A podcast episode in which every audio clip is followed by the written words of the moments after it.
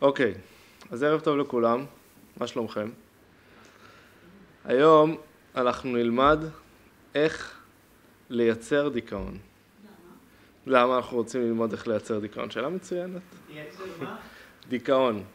האם אנחנו רוצים להיות דיכאון? האם אנחנו רוצים להיות בדיכאון? לא, ודאי שלא. אבל אנחנו רוצים להכיר, להכיר את הקליפה, להכיר את התכסיסים שלה, להכיר מה העץ הרע עושה לנו, להכיר את המהלך שהוא עובד איתנו, כי צריך להכיר את האויבים שלנו.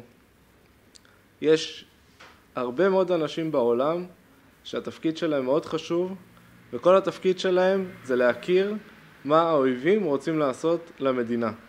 להכיר, להכיר, לדעת, לראות את המהלכים שהם עושים, לראות למה הם רוצים לעשות את זה, מאיפה הם מונעים, איך, איך הם תופסים את נקודות התורפה שלנו, וככה נדע איך להתגבר על הדיכאון. למה דווקא דיכאון? אז אנחנו נכנסים כאן לאזור שהוא אזור קצת מסוכן. כי דיכאון זה כבר הגדרה שנכנסת ל-DSM, DSM זה ספר אה, המחלות הנפשיות, היום לא קוראים לזה מחלה נפשית, קוראים לזה נכות נפשית. זה ספר המחלות הנפשיות שיש בו את כל, נכון לעכשיו לפי מה שמגדירים, כן, הוא מאוד דינמי איכשהו, אבל יש בו את כל ההגדרות של המחלות הנפשיות. הוא דינמי, מרחיבים אותו, כן, מרחיבים אותו, גם מורידים חלק מה, מהדברים. אה, אז שם יש הרבה הפרעות כמו סכיזופרניה, כמו דיפרסיה, כמו דיכאון. ודיכאון זו הפרעה שעולה מאוד מאוד מאוד בשנים האחרונות באחוזים מאוד גבוהים וצריך להבין למה. יש גישה שאומרת שהיא עולה כי מתחילים למדוד אותה, אני חושב שהגישה הזו היא לא נכונה, זאת אומרת היא לא עולה כי מתחילים למדוד אותה, היא עולה כי קורה משהו אה, סוציולוגי, קורה משהו סוציולוגי בעולם, חברתי, שגורם לדיכאון להיות יותר ויותר גדול. רמז, קורונה. מה קורה בקורונה? זה לא שבגלל הקורונה, אבל הקורונה היא מייצגת את זה בצורה חזקה. מה קורה בקורונה? בידודים. כל אחד נכנס למקום שלו, מתרחק יותר ויותר ויותר מהחברה, מתרחק יותר מהעצמי, האני האמיתי שלו, שבא להתחבר אל היחד, וזה מקום מאוד מאוד מסוכן. אני חושב שזה הנזק העיקרי שהקורונה מביאה איתה. אז למה אנחנו לומדים על דיכאון דווקא? בגלל שזו מחלה שהיא עכשיו עולה בצורה מאוד חזקה. עכשיו, אה, עצבות ודיכאון, אומר הרב שזו הקליפה הקשה ביותר. למה? כי היא נוגעת בדיוק בנקודה הראשונה של האמונה של האדם. שמה הנקודה הראשונה של האמונה? מה העיקרון הראשון? שהשם טוב ומיטיב. ואם אדם נמצא בעצבות, או יותר חמור מזה, אם אדם נמצא בדיכאון, שההגדרה היא בערך עצבות עמוקה ומתמשכת, אז מה זה אומר? זה אומר שהוא אה, כופר ביסוד הראשון שעליו נבנית האמונה שלו בהשם יתברך. הוא אומר, השם לא טוב ומיטיב. השם, חס ושלום, אומר אותו אחד, עושה לו רע. למה, למה הוא אומר את זה? הוא אומר את זה בעצם ההרגשה שלו, בעצם החוויה שלו את המציאות. אז אנחנו נלמד איך בן אדם, איך יכול להיות שמגיעים לכזו הצהרה, לכזו הרגשה מאוד חזקה, ואנשים שהם בדיכאון הם מאוד מזוהים מזה. עכשיו, עוד נקודה חשובה שנגיד לפני, ואז נתחיל ממש בשיעור עצמו, שבדיכאון יש תענוג. יש תענוג בדיכאון, אחרת לא היה דיכאון אצל אנשים. שכל דבר שאנחנו עושים יש לנו איזשהו תענוג ממנו. יש תענוג מהמסכנות, מהתשומת לב, מהעצלות שיש בזה, יש איזשהו תענוג ממנו. הבעיה שהתענוג הזה הוא באותו רגע הוא מאוד אה, יכול להיות כאילו מאוד מושך, אבל יש לו נזק מאוד גדול על נפש האדם, אה, עד כדי שאנחנו רואים שדיכאונות זה אחד הגורמים העיקריים לאובדנות, ואובדנות זה דבר שאנחנו אה, מאוד מאוד מאוד אה, סולדים ממנו ונרתעים ממנו ומפחדים ממנו בחברה שלנו, אה, אז גם על זה נדבר קצת. אז בואו נתחיל. איך זה יהיה? אנחנו נדבר על איזה שהן דוגמאות, נסביר מה זה דיכאון, נראה איך הוא נוצר, לפי מאמר בזוהר שנקרא ה' מינים דערב רב, שנמצא קצ"ח בבראשית א', לפי המאמר הזה נסביר איך, איך העץ שערה מכניס אותנו לדיכאון, איך אנחנו מייצרים דיכאון, ואז נלמד איך להפוך, להפוך את תאי המינים די ערב רב, כדי בעצם לא להיכנס לבריח, לא, לא להיכנס למקום הזה, לעצבות ולדיכאון, ואז נראה דרך, לפי ד' בחינות דור ישר ובואו חוזר, איך לצאת מזה. אוקיי, עכשיו תשימו לב שיש סכנה בשיעור הזה, מי שמקשיב לו הולך להזדהות עם חלק מהדברים שאנחנו נגיד כאן. בשיעור הראשון בפסיכולוגיה, מי שלמד אה, קורסים או תואר, בשיעור הראשון מה אומרים לסטודנטים? תיזהרו, יש לכם את כל ההפרעות. לא מתכוונים שכולם, כל הסטודנטים לפסיכולוגיה משוגעים, מכוון, אה, מתכוונים לזה שיש לנו סימפטומים לכולם, לכל העולם, יש סימפטומים שנמצאים בתוך ה-DSM, בתוך ההפרעות, בתוך ההגדרות, זה לא אומר שהולך להיות לנו, זה לא אומר שאנחנו, יש לנו דיכאון, מה שאנחנו נדבר כאן, אבל זה אומר שיש לנו חלק מהסימפטומים וככל שנתרחק יותר מהמקום הזה ונדע איך לעבוד איתו, אז אנחנו נהיה יותר אה, חזקים ויותר שמחים. עכשיו חודש אדר, זה בא כנגד השיעור של השמחה בפעם הקודמת שדיברנו, ואחרי השיעור על האמונה אז אנחנו, אנחנו בונים את זה. אוקיי, אז דבר ראשון, אני מבקש מכל מי שנמצא כאן, כל מי ששומע את השיעורים, זו מה שנקרא פנייה אישית רצינית וחשובה, אני מבקש לקחת אחריות. מה זה לקחת אחריות? לקחת אחריות על עצמכם. לקחת אחריות על עצמכם. בדברים בסיסיים שלוקחים אותנו למקומות לא טובים, מה שכולם אה, כולם מכירים, שזה דברים שרוב האוכלוסייה לא, לא מתמודדת איתם, אה, לפחות לא ברמה, אה, ברמה קיצונית, אבל לשים לב, לא להיכנס למקומות של סמים, אלכוהול, הימורים, ריבוי של צריכה של מדיה, של חדשות, של כל מיני דברים שהם בצורה מובהקת וברורה גורמים להפרעות נפשיות.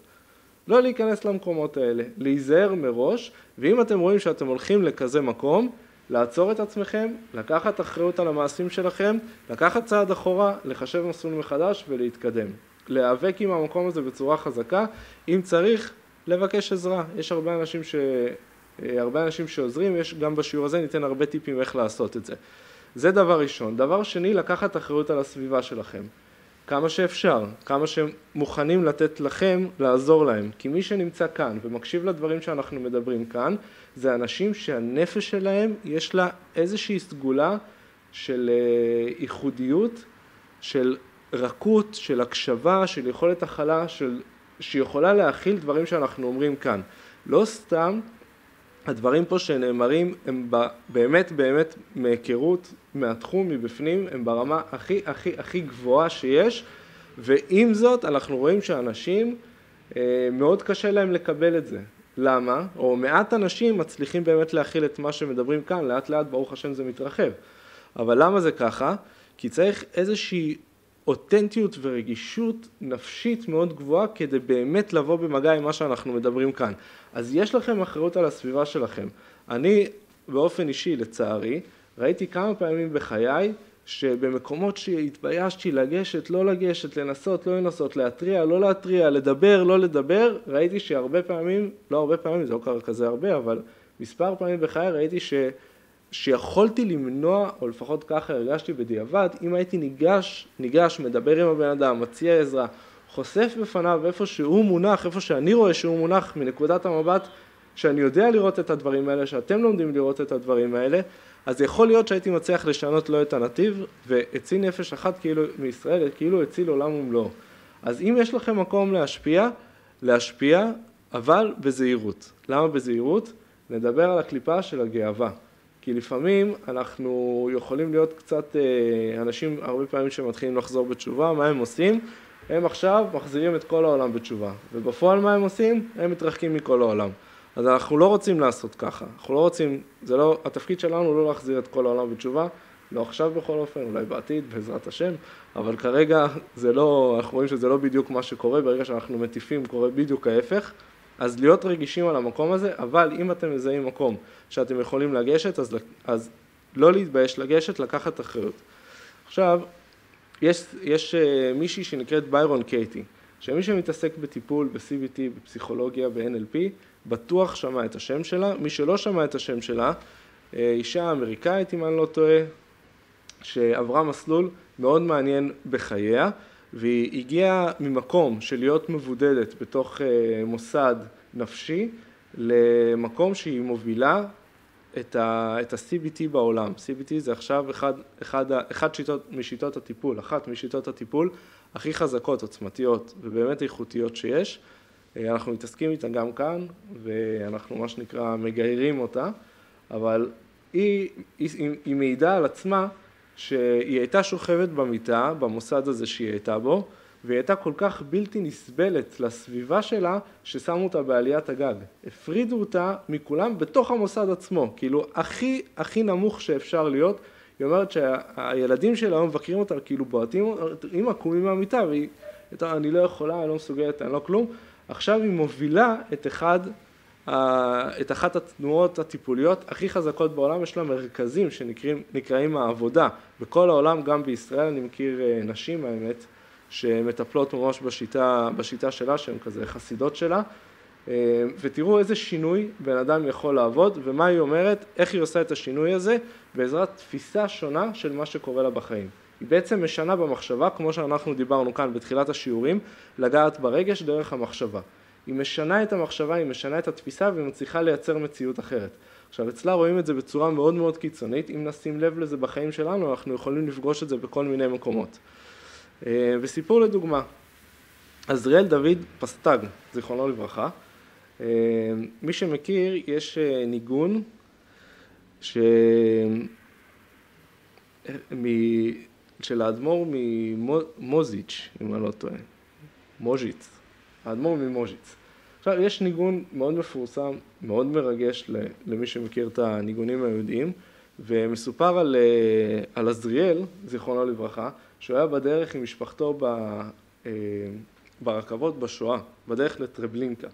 ובתוך הצפיפות והדוחק הוא מצא לו פינה לשבת והוא היה חזן. והוא התחיל לזמר אה, איזשהו ניגון בחזרתיות בלתי פוסקת. עלה לו איזשהו ניגון בראש בדרך אה, בדרך להשמדה בעצם, הוא ידע לאן הוא הולך, הוא הבין לאן הוא הולך, והוא התחיל לנגן את הניגון. ובהתחלה מסופר בה, מי שעוד שנייה נראה מי, סיפר, מי מספר את כל הסיפור הזה, כי כולם היו שם בדרך למחנה, אז מסופר שאנשים הסתכלו עליו וחשבו שהוא משוגע, שהוא השתגע, שכאילו מעומס, מהלחץ וזה, חשבו שהוא פשוט איבד את זה. ואז ראו שהוא חוזר על אותו ניגון ואותו ניגון ואותו ניגון, ונהיה איזושהי אווירה כזאת מרגשת בתוך המקום הנורא הזה, ואז הוא אמר, מי שיביא את הניגון הזה לאדמו"ר שלי, שנמצא בארצות הברית, הוא היה בגרמניה, מי שמביא את, ה, את הניגון הזה לאדמו"ר שלי, אני נותן לו חצי מהעולם הבא שלי. ככה אמר. ומסופר ששני יהודים קפצו, נערים, אחד אה, מת שם על, ה, על המסילה, והשני הצליח להגיע עם איזה פתק, עם קטן כזה, עם כמה תווים לאדמו"ר שם, וככה התפרסם הניגון. עכשיו, תראו איזה נתק, נתק, כביכול נתק זה דבר לא טוב, נכון? אבל תראו איזה מסוגלות ואיזה נתק בין המציאות הגשמית שקורית לאדם לבין איפה שהוא מונח. הוא מבחינתו, עכשיו הגוף שלו הולך לאן שהוא הולך, זה גזירת הגורל, הנשמה שלו, התודעה שלו, המחשבה שלו, המודעות שלו, כל תשומת הלב שלו, עכשיו בכלל במקום אחר. הוא בכלל נמצא בעולם הבא, הוא, הוא מדבר, מדבר על נשמות האנשים שנמצאים מסביבו, וזה הכוח, זה הכוח של המחשבה. זה הכוח של להיות מסוגל, של המחשבה שכמובן נובעת מהנשמה. של להיות מסוגל להחליט איפה הבן אדם מונח, איפה הוא נמצא, איפה הוא נמצא ביחס, בלי, בלי קשר לאיפה שהוא נמצא מבחינה גשמית. אז היום נדבר על דיכאון, ואני מזכיר שיש אצל כולם קצת ממה שאנחנו מדברים עליו. אתה לא מראה פה את המצגת? אנחנו בשקף הרביעי או חמישי. אז היום נדבר על, אה, על דיכאון, מזכיר שיש, שיש מכולם קצת, אנחנו נוגעים בזה כי אנחנו לא מפחדים מהקליפה ואנחנו הולכים ללמוד איך להשתמש בה לטובת הנשמה. אז אה, יש לי? אצלי? אוקיי, תודה. אז איך, מה, מה הסממנים של דיכאון? מה הסימפטומים? קודם כל נגדיר מה זה. אז באופן בסיסי, אה, מגוון של דברים שקשורים לעצבות, אשמה ואי שקט. זה באופן בסיסי. אם אנחנו ניכנס לתוך, ה, לתוך ההגדרה, נראה שם אשמה, חוסר ישע, ייאוש, אה, זה, זה בדברים הרגשיים נפשיים. ואם, ואם נסתכל על אנשים, מי שמכיר אנשים שחוו, או, או על עצמנו, תקופות שאנחנו ככה פחות, אה, פחות שמחים, יותר אה, בצורה של, באווירה דיכאונית, אז יש גם ירידה בחוסר הריכוז, הפרעות בתיאבון, בשינה יש עלייה או ירידה משמעותית במשקל, ו, וזה לא טוב, וזה לא נעים. אז אה, איך אנחנו, יש, יש מחקר סוציולוגי, שגם שיעור ראשון בסוציולוגיה, מחקר שמדבר על אחוזי אובדנות ביחס לדת, ומראים שככל שהדת יותר, אה, יותר חברתית, יש פחות אחוזי דיכאון. גם תראו סטטיסטיקות בעולם, אה, נגיד אירופה או כל מיני מדינות יותר צפוניות, קרות, שיש שם נגיד פחות אחוזי ילודה והחברה שם היא יותר נפרדת, יש שם אחוזים משמעותית הרבה יותר גבוהים של, אה, של אובדנות, דיכאון, אובדנות וכן הלאה וכל היוצא בזה, מאשר מקומות כמו ארגנטינה, כמו הדרום, כמו ישראל, שיש אווירה מאוד מאוחדת. תחשבו איזה קשה לבן אדם, יש אה, שיר של אביב גפן, הוא שר, אם לא היה מוות הייתי מזמן מתאבד. כאילו אם לא היה את ההשפעה הזאת והפחד הזה כלפי חוץ, מה אני צריך את העולם הזה? אז יש, יש לא מעט אנשים שנמצאים בנקודה הזאת, שמה שמחזיק אותם לאו דווקא על אובדנות, אבל מה שמחזיק אותם בעשייה זה דווקא המחויבות שלהם לסביבה. אז אנחנו רואים, לדוגמה בצבא, יש ביחס, ל, בצבא שלנו, ביחס ל, אה, לכלל האוכלוסייה, יש אחוזי אובדנות מאוד גבוהים. למה? מי יגיד לי? בגלל מה שאמרנו עכשיו?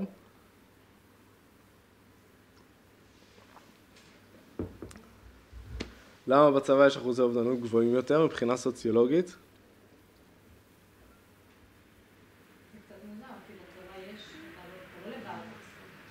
כביכול יש אחדות בצבא, אבל לפני שמתחילה, אז דווקא לפני שמתחילה האחדות, בן אדם מגיע לצבא הוא הופך להיות מספר, הופך להיות מספר אישי, ואף אחד לא מכיר אותו, אף אחד לא יודע מאיפה הוא בא, הוא לא מחויב לאף אחד, הוא לא מכיר אף אחד, אז הרבה פעמים העומס הנפשי שיש בכניסה לצבא או בהמשך, אם זה שיש יכולה, יש פוטנציאל לתחושת ניכור מאוד מאוד גדולה, דווקא זה לוקח את הבן אדם לקצה, כי הוא הופך להיות מספר אישי.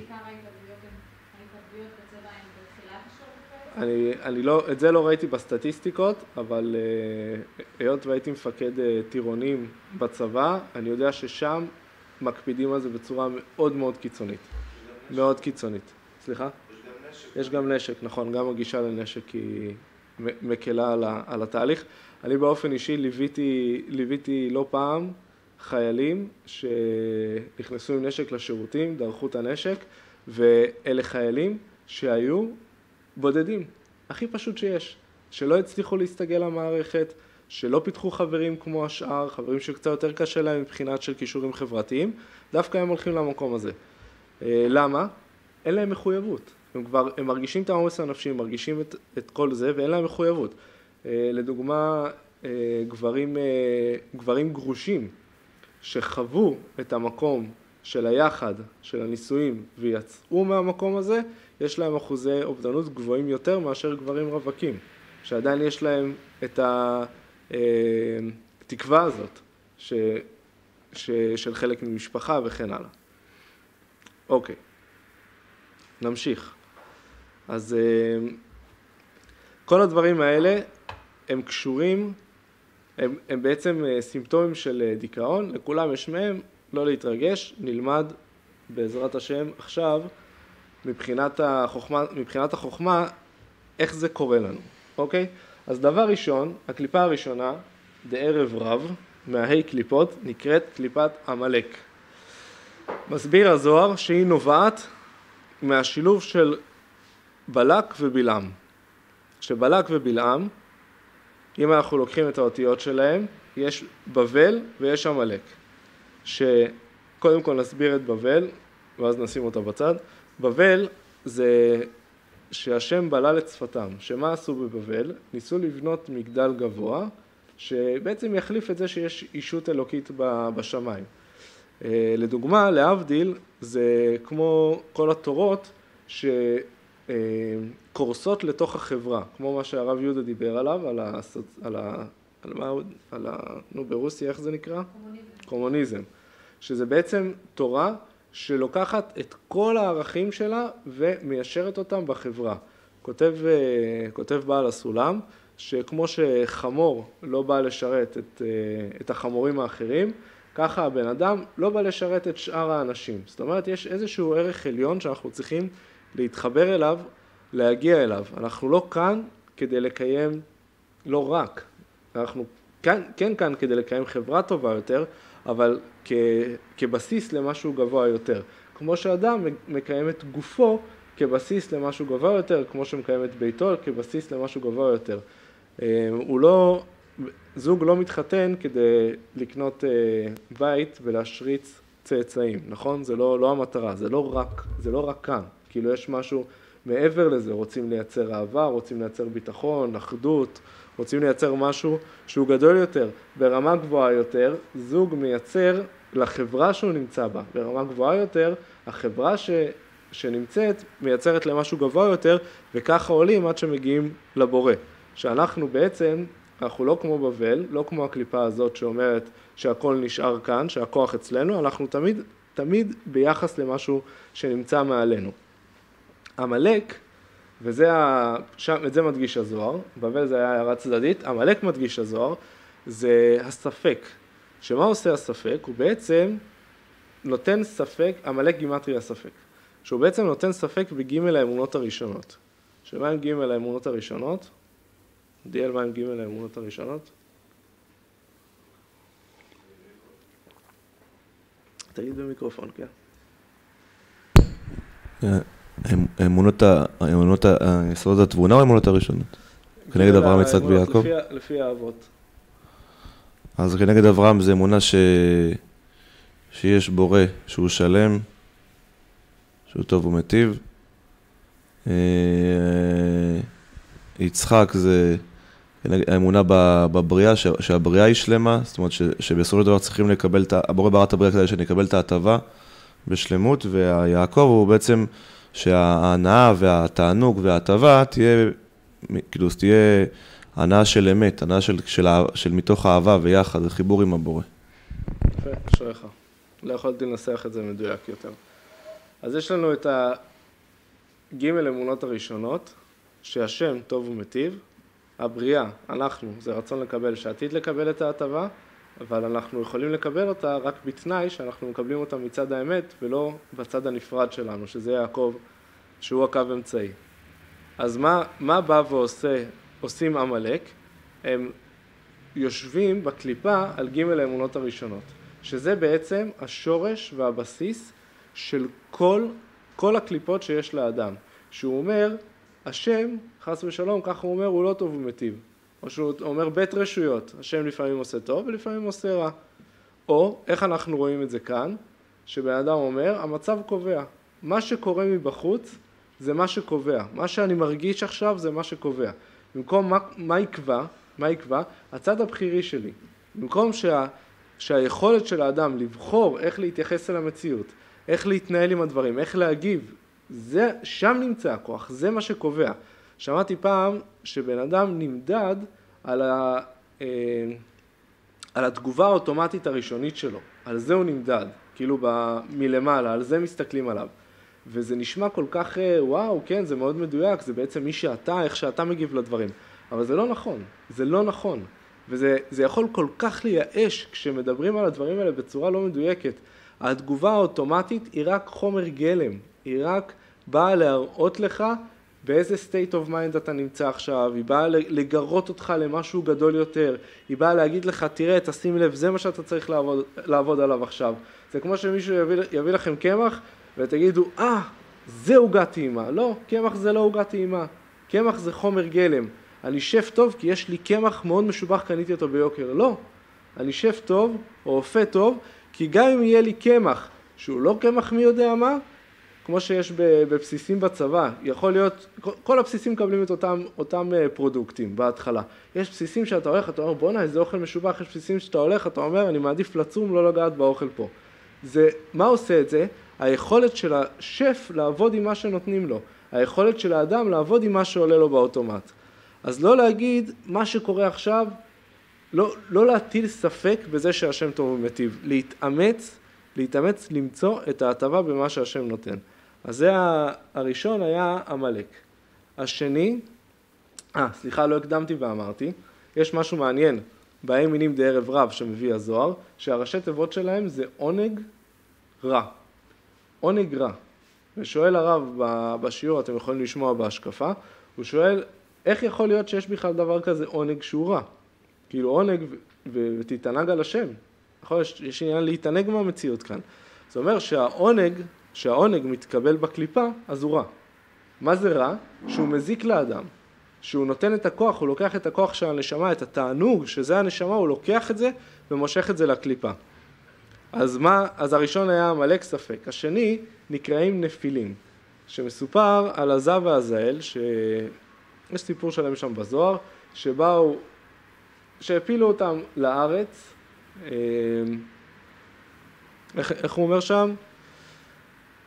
לחטוא, שהם חטאו, אה, התאוו לנשות האדם, לנעמה ולנשות האדם, נעמה ביופיה פיתתה אותם, ואז הם חטאו ובאו לעולם הזה. ככה, ככה אומר שם. מסביר הרב שזה בעלי רצון לעוצמה, שכאילו מחפשים את העוצמה שלהם בעולם הזה. במקום להסתכל על משהו גדול יותר, שהוא המהלך השלם. מה זה העולם הזה? מה שקורה עכשיו. רוצים בחיצוניות ובגשמיות לקחת את התענוג. לדוגמה, אנחנו רואים הרבה אנשים שמגיעים למקום גבוה, מקום גדול. עכשיו שמעתי שיש מישהו שזכה ב-80 מיליון שקל, נכון? יש עכשיו בזה? בן 30, הנה, יש לנו פרטים. זכה ב-80 מיליון שקל. אני, אני מפחד עליו, אמיתי, אמיתי. שמעתי את זה, יש לי פחד על הבן אדם הזה. למה? מה הסטטיסטיקה מראה? שלמעלה מ-90% מהאנשים שזוכים בלוטו בסכומים גבוהים, מה קורה להם? פושטים את הרגל. או מתאבדים. ולמה? למה זה קורה להם? אין להם כלי להכיל את זה. אז מה הם עושים עם הכוח? מה הם עושים עם הכוח שיש להם? הכוח הופך להיות ההרס שלהם. הכוח הופך להיות מה שהורס אותם. עכשיו בעזרת השם, שאותו אחד שזכה שיעשה עם זה דברים טובים ויגדל ו... ו... ויזכה לשפע ברכות ו... וכל השפע הרוחני שיגיע לו עם השפע הגשמי, בעזרת השם, אמן, שישנה את הסטטיסטיקה. אבל בפועל, אני מדבר עם אנשים ואומרים לי, כן, איך הייתי רוצה להכיר אותו, אני מדבר עם אה, איזה קרובת משפחה, היא אומרת לי, כן, הייתי, אה, אני צריכה למצוא אותו עכשיו, אני רוצה, הגיע הזמן שאני אתחתן, כאילו, מה, מה זה עושה לבן אדם? הוא אומר, אה, גם אני רוצה חלק, מה, חלק מהעולם הזה שלו, נכון? אז מה, מה, מי אמר את זה ראשון? אמרו את זה הנפילים. מביא הזוהר, אמרו את זה הנפילים. שמה הם אמרו? הם אמרו, לא אכפת לנו כל כך מהעולם הרוחני, מהעולם הבא, אנחנו רוצים את התאווה של העולם הזה. אז מה זה גורם לאדם? זה גורם לו שהעונג והכוח והעוצמה שיכולה להיות לבן אדם מבחינה רוחנית, הוא לוקח אותה ולוקח את כל העוצמה הזו ושם אותה בגשמיות. ואז, ואז מה קורה? הוא נכנס למערבולת שהוא חייב לקבל תענוגות גשמיים. למה? הוא משקיע הרבה בגשמיות, הוא רואה שהוא לא מקבל מזה תענוג, והוא כבר מושקע בזה הרבה. אז הוא אומר, טוב, אז אני אשקיע עוד קצת. כמו מישהו שמהמר, שהוא שם כסף במכונה, ואז נגיד הוא קצת מרוויח, ואז הוא מפסיד. ואז מה הוא אומר? נו, כמו שהרווחתי, אני אשים עוד קצת ואני ארוויח. ואנשים יכולים לשפוך את כל, את כל חסכונות חייהם על איזה מכונה של רולטה, כי עוד שנייה הוא בדיוק מצליח. למה? כי מושקעים בזה כבר. אז בן אדם משקיע בעולם הגשמי שלו, משקיע ומשקיע ומשקיע, והוא רואה שהוא לא מקבל תענוג מספק ביחס להשקעה, אז מה הוא עושה? אם עיניו בראשו והוא חכם והוא יודע מציאות רוחנית, אז הוא לוקח נשימה עמוקה, עוצר ואומר, טוב, אז אני מבין, העולם הזה זה לא מה שאמור לספק לי את התענוג, זה רק חומר גלם שעליו אני בונה את התענוג. אבל אם עיניו לא בראשו, שעכשיו הוא סומה, או שהוא בתוך, ה, בתוך המציאות הגשמית ובתוך הקליפות, מה הוא עושה? הוא ממשיך עד שהוא, עד שהוא עד שהוא נופל בעצם, עד שהוא נגמר, או עד שכבר אין לו ברירה, עד שנגמר לו הכסף, נגמר לו הכוח, ואז קורה, קורה מה שקורה איתו. עכשיו, אה, כשנמצאים, כשנמצאים במקום הזה, בעצבות כזאת עמוקה, או, או בדיכאון, שנובע מהדברים האלה, אז נמצאים במקום שלא יכולים לסרב לתענוג. זה נהיה, זה נהיה מקום מאוד, מאוד uh, מסוכן, כי בעצם לא יכולים לסרב לתענוג. בן אדם נגיד נורא משעמם לו, נורא משעמם לו, הוא כבר בתוך הלופ הזה של ה... שלא טוב לי, רע לי, עשו לי, אכלו לי, לקחו לי וזה, ואז יש לו איזושהי הזדמנות לתענוג. עכשיו, הוא יודע שזה לא טוב לו. הוא יודע עכשיו, לא טוב לו ללכת עם הבן אדם הזה, לא טוב לו לקחת את הדבר הזה, זה לא טוב לו, הוא יודע, לא טוב לו לאכול את זה או לשתות את זה, אבל מה הוא עושה? הוא אומר, טוב, קצת, נו, ממילא כבר אין לי תענוג, לפחות יהיה לי איזושהי טיפה של תענוג, אז אני אקח את זה. ואז מה הוא עושה? הוא כונס עוד יותר בקליפה. אז מה, מה קורה? עוד פעם, הקליפה הזאת באה ונותנת לו את העוצמה לעולם הזה, שוב, לוקחת את העוצמה ואומרת לו, בתוך העולם הזה בוא תקבל עוד קצת תענוג. עכשיו, אם יש לו כוח, והוא כבר בלופ רוחני, נקרא לזה, אז הוא יודע למשוך את זה למקום הנכון, אבל אם אין לו כוח והוא נמצא מתחת לקו, ה, ה, נגיד, השפוי בסיסי, או מתחת לרמת מודעות שיודעת שזה לא טוב לעשות את הדברים האלה, לאן הוא הולך? הוא הולך כל פעם, כל פעם נכנס לתוך התענוג ונופל יותר למטה. הדבר הבא, בסוף נחבר את הכל. הקליפה הבאה נקראת גיבורים. זה, יש לנו עונג רב, אז אחרי הנפילים נקרא גיבורים. גיבורים זה בעלי כבוד וגאווה. לדוגמה, חינוך ילדים, ניתן דוגמה מחינוך ילדים, דיברנו על זוגיות, דיברנו על הימורים, ניתן דוגמה מחינוך ילדים. לפעמים, או לא לפעמים, בדרך כלל אנחנו כהורים, כשאנחנו פוגשים את הילדים שלנו, אנחנו יודעים מה טוב בשבילהם, יותר ממה שהם יודעים, ובאמת אנחנו יודעים. לפחות עד גיל מסוים ברוב הפעמים. אבל לעיתים, בגלל הגאווה שלנו, דווקא אני נותן דוגמה שהיא ככה יותר אה, עדינה. בגלל הגאווה שלנו, אנחנו מסתכלים ומראש מחליטים מה הולך לקרות בסיטואציה, ואז אנחנו לא קשובים לצרכים האמיתיים שלהם. וזה לא אומר שאנחנו צריכים לעשות מה שהם רוצים, כאילו זה שיש להם צרכים זה לא אומר שהם חייבים להביא לידי ביטוי את הצרכים שלהם, לא ככה אנחנו אומרים, אבל כן אנחנו אומרים להיות קשובים למה שקורה. כי אם אנחנו באים מגאווה, הרבה פעמים אחר כך יש לנו חרטה מאוד גדולה על מה שעשינו. אנחנו מסתכלים ואנחנו אומרים למה אמרנו להם ככה? אם הייתי מקשיב לו טיפה יותר, או לפעמים בין, בין בני זוג או בין חברים, כאילו באים עם איזושהי אג'נדה, לא מוכנים כמו אטומים, לא מוכנים לשמוע את הצד השני, ואז אנחנו באים מהמקום הגאוותן, שהגאווה, מה זה? זה הגאות של הרצון שלי, של המחשבות שלי, של הידיעות שלי על פני האחר. אז אנחנו באים מתוך המקום הזה, ואנחנו כאילו כופים את עצמנו על המציאות. זה, זה הדבר השני, זה נקרא בעלי כבוד. מה זה גורם לאדם? להיות רדוף אחר כבוד, ורדוף אחרי מה שיאמרו עליו. אז עכשיו, כמו קודם עם התענוג שדיברנו, עם הנפילים, שהם חייבים את התענוג, הם חייבים את הכבוד. הם יעשו הכל, הם ישקרו, הם ירמו, הם יבגדו, הם יעשו הכל רק בשביל שייתנו להם כבוד. והם כבר לא מבינים שהכבוד הזה הוא לא באמת נותן להם תענוג. ההפך הוא, הוא הופך אותם ליותר ויותר רחוקים מעצמם, כי נותנים להם כבוד על דברים שזה בכלל לא הם כבר, אבל עדיין הם יהיו רדופים אחרי הכבוד. ממה זה נובע? משורש הגאווה. שעכשיו דיברנו על גאווה ואנוכיות, שזה שתי הקליפות הכי, הכי חזקות שמהם נובעים שאר הקליפות, שהקליפה הראשונה היא הספק וזה כנגד הגר. קליפה הבאה נקראת רפאים. רפאים, נקריא משהו מה, אה, מהרמח"ל, מהמסילת ישרים, וזה יסביר את הרפאים. כתוב, והנה שלמה המלך, שנה מאוד באזהרתו, על זה בראותו את רוע העצלה וההפסד הגדול הנמשך, אה, הנמשך ממנה ואמר. מדבר על העצלות. מה זה רפאים? זה בעצם נרפאים, נרפים, כאילו מלשון נרפים. שרואה מה צריך לעשות אבל לא עושה. אז מה הוא אומר? אני לא עושה את העבירה. אני, יש לי תירוצים למה אני, אני לא עושה, ואני לא עושה את העבירה, ואני לא הולך, אבל גם, אתם זוכרים על האחריות האישית שדיברנו בהתחלה? גם את הדברים הטובים שאני יודע שצריך לעשות, את זה אני לא עושה. ולעניות דעתי פה עובר הגבול בין בן אדם שמתחיל את העבודה, שזה אסור מרע, שהוא מתרחק מהדברים, והוא באמת מתחיל לראות מה טוב ומה לא, מה, מה אמת ומה שקר, לבין בן אדם שהוא בתנועה רוחנית אמיתית. שבן אדם שהוא בתנועה רוחנית אמיתית חייב להיות אקטיבי וחייב להיות תמיד בתנועה. אין כזה דבר שהוא עוצר כעצירה מוחלטת, לא יכול להיות כזה דבר. יכול להיות הפסקות בדרך, יכול... יש שבת אחרי שישה ימים, יש שבת, אבל תמיד להיות בתנועה קדימה. אז מה, מה אומר אה, שלמה המלך במשלי? מעט שנות, מלשון שינה, מעט תנומות, מעט חבק ידיים לשכב, כי הנה העצל, אף על פי שאינו עושה רע, בקום עשה, הוא לא עושה רע כנגד המצוות, הוא לא עושה את המצוות לא תעשה, אבל הנה הוא מביא את הרעה עליו בשב ואל תעשה שלו. ואמר, גם יתרפא במלאכתו, אך הוא לבעל משחית.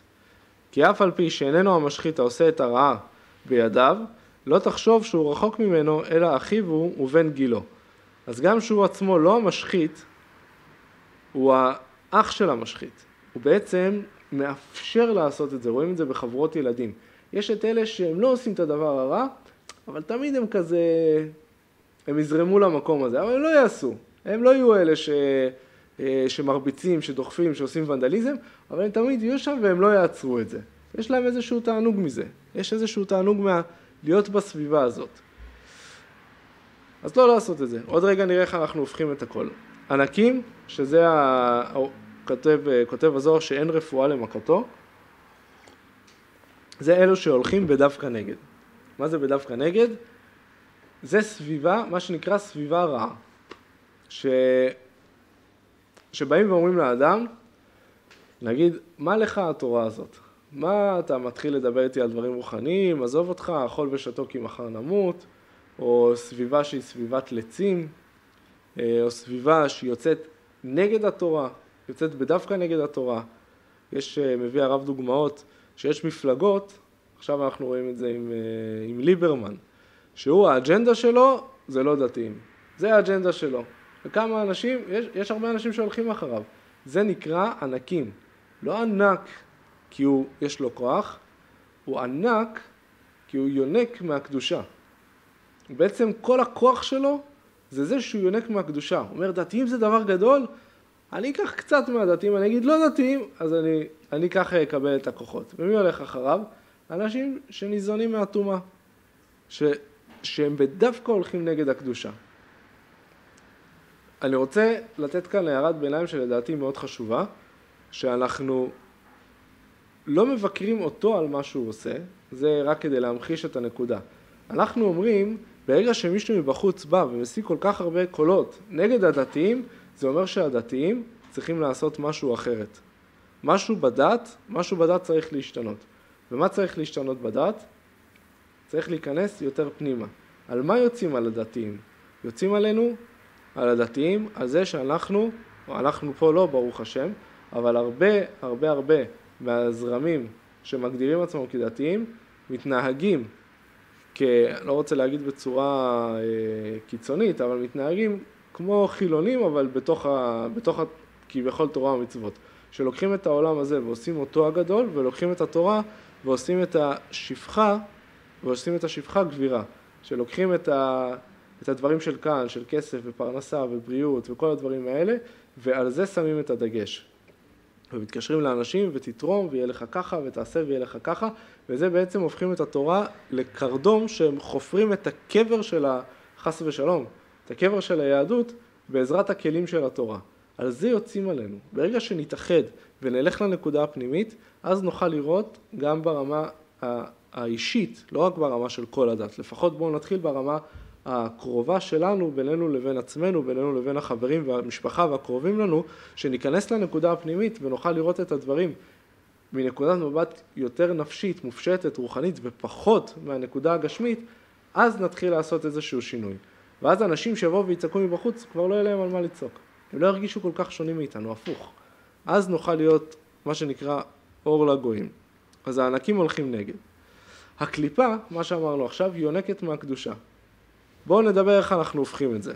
יאללה, בשלוש דקות, בשלוש דקות נדבר איך אנחנו הופכים את כל המהלך הזה. עד עכשיו בנינו קליפה כזאת גדולה ומפחידה, נגענו בזה קצת בדרך. אז קודם כל, אנחנו לא אומרים שאין לקליפה תפקיד. למה? כי יש קליפות. ואם יש קליפות, השם נתן קליפות בעולם, השם נתן את המציאות הגשמית, החיצונית, שגם שהיא צל חולף, יש לה תפקיד. מה התפקיד שלה? התפקיד שלה לגרות את הרצון כדי שהנשמה תוכל ליהנות ממנו, ליהנות מהתענוג. איפה אנחנו רואים את זה בצורה מאוד ברורה? בחג פורים, שבה המן אל המלך, והמלך שאל את המן, מה יעשה לאיש אשר חפץ בעיקרו? המן כנגד הקליפה, כנגד הרצון החזק, ההשתוקקות הגדולה. מה המן אמר? המן דיבר את כל השבחים הכי גדולים שיש על הרצון לקבל, על הקליפה. כל השבחים הכי גדולים שיש. אמר שירכב על הסוס וילבש את בגדי המלך, ויש בזה הרבה סודות, בעזרת השם נעשה סמינר בראש חודש על, ה, על כל הסודות שבמגילה. אה, אמר את כל הדברים הכי טובים. מה, מה, מה הכוח של הקליפה? היא באה והיא אומרת, עכשיו הזמינו אותך לאיזשהו מקום, אתה לא רוצה ללכת? לך, ייתנו לך כבוד, תתלבש יפה, תעשה קצת רושם, תעשה קצת פוזה, אולי אה, יש שם אוכל ממש טעים. ככה הקליפה אומרת. עכשיו, מה אנחנו צריכים לבוא ולהגיד? מה, לא, לא, זה לא בשבילי, אני לא, אני רק... מה, אם, היה, אם היה שואל את מרדכי, המלך היה שואל את מרדכי, מה אתה רוצה? מה היה עונה מרדכי? היה עונה, אני לא רוצה כלום, מה המלך רוצה אני אעשה. נכון? זה ככה המידה של, ה, של הצדיקות, של ההשפעה, יש לה את המקום הזה. הבסיס, העיקר שלה הוא כזה, הוא אומר, אני לא רוצה כלום. אז מה, מה הכוח של הקליפה? הכוח של הקליפה להכין את הסעודה לכבוד הנשמה.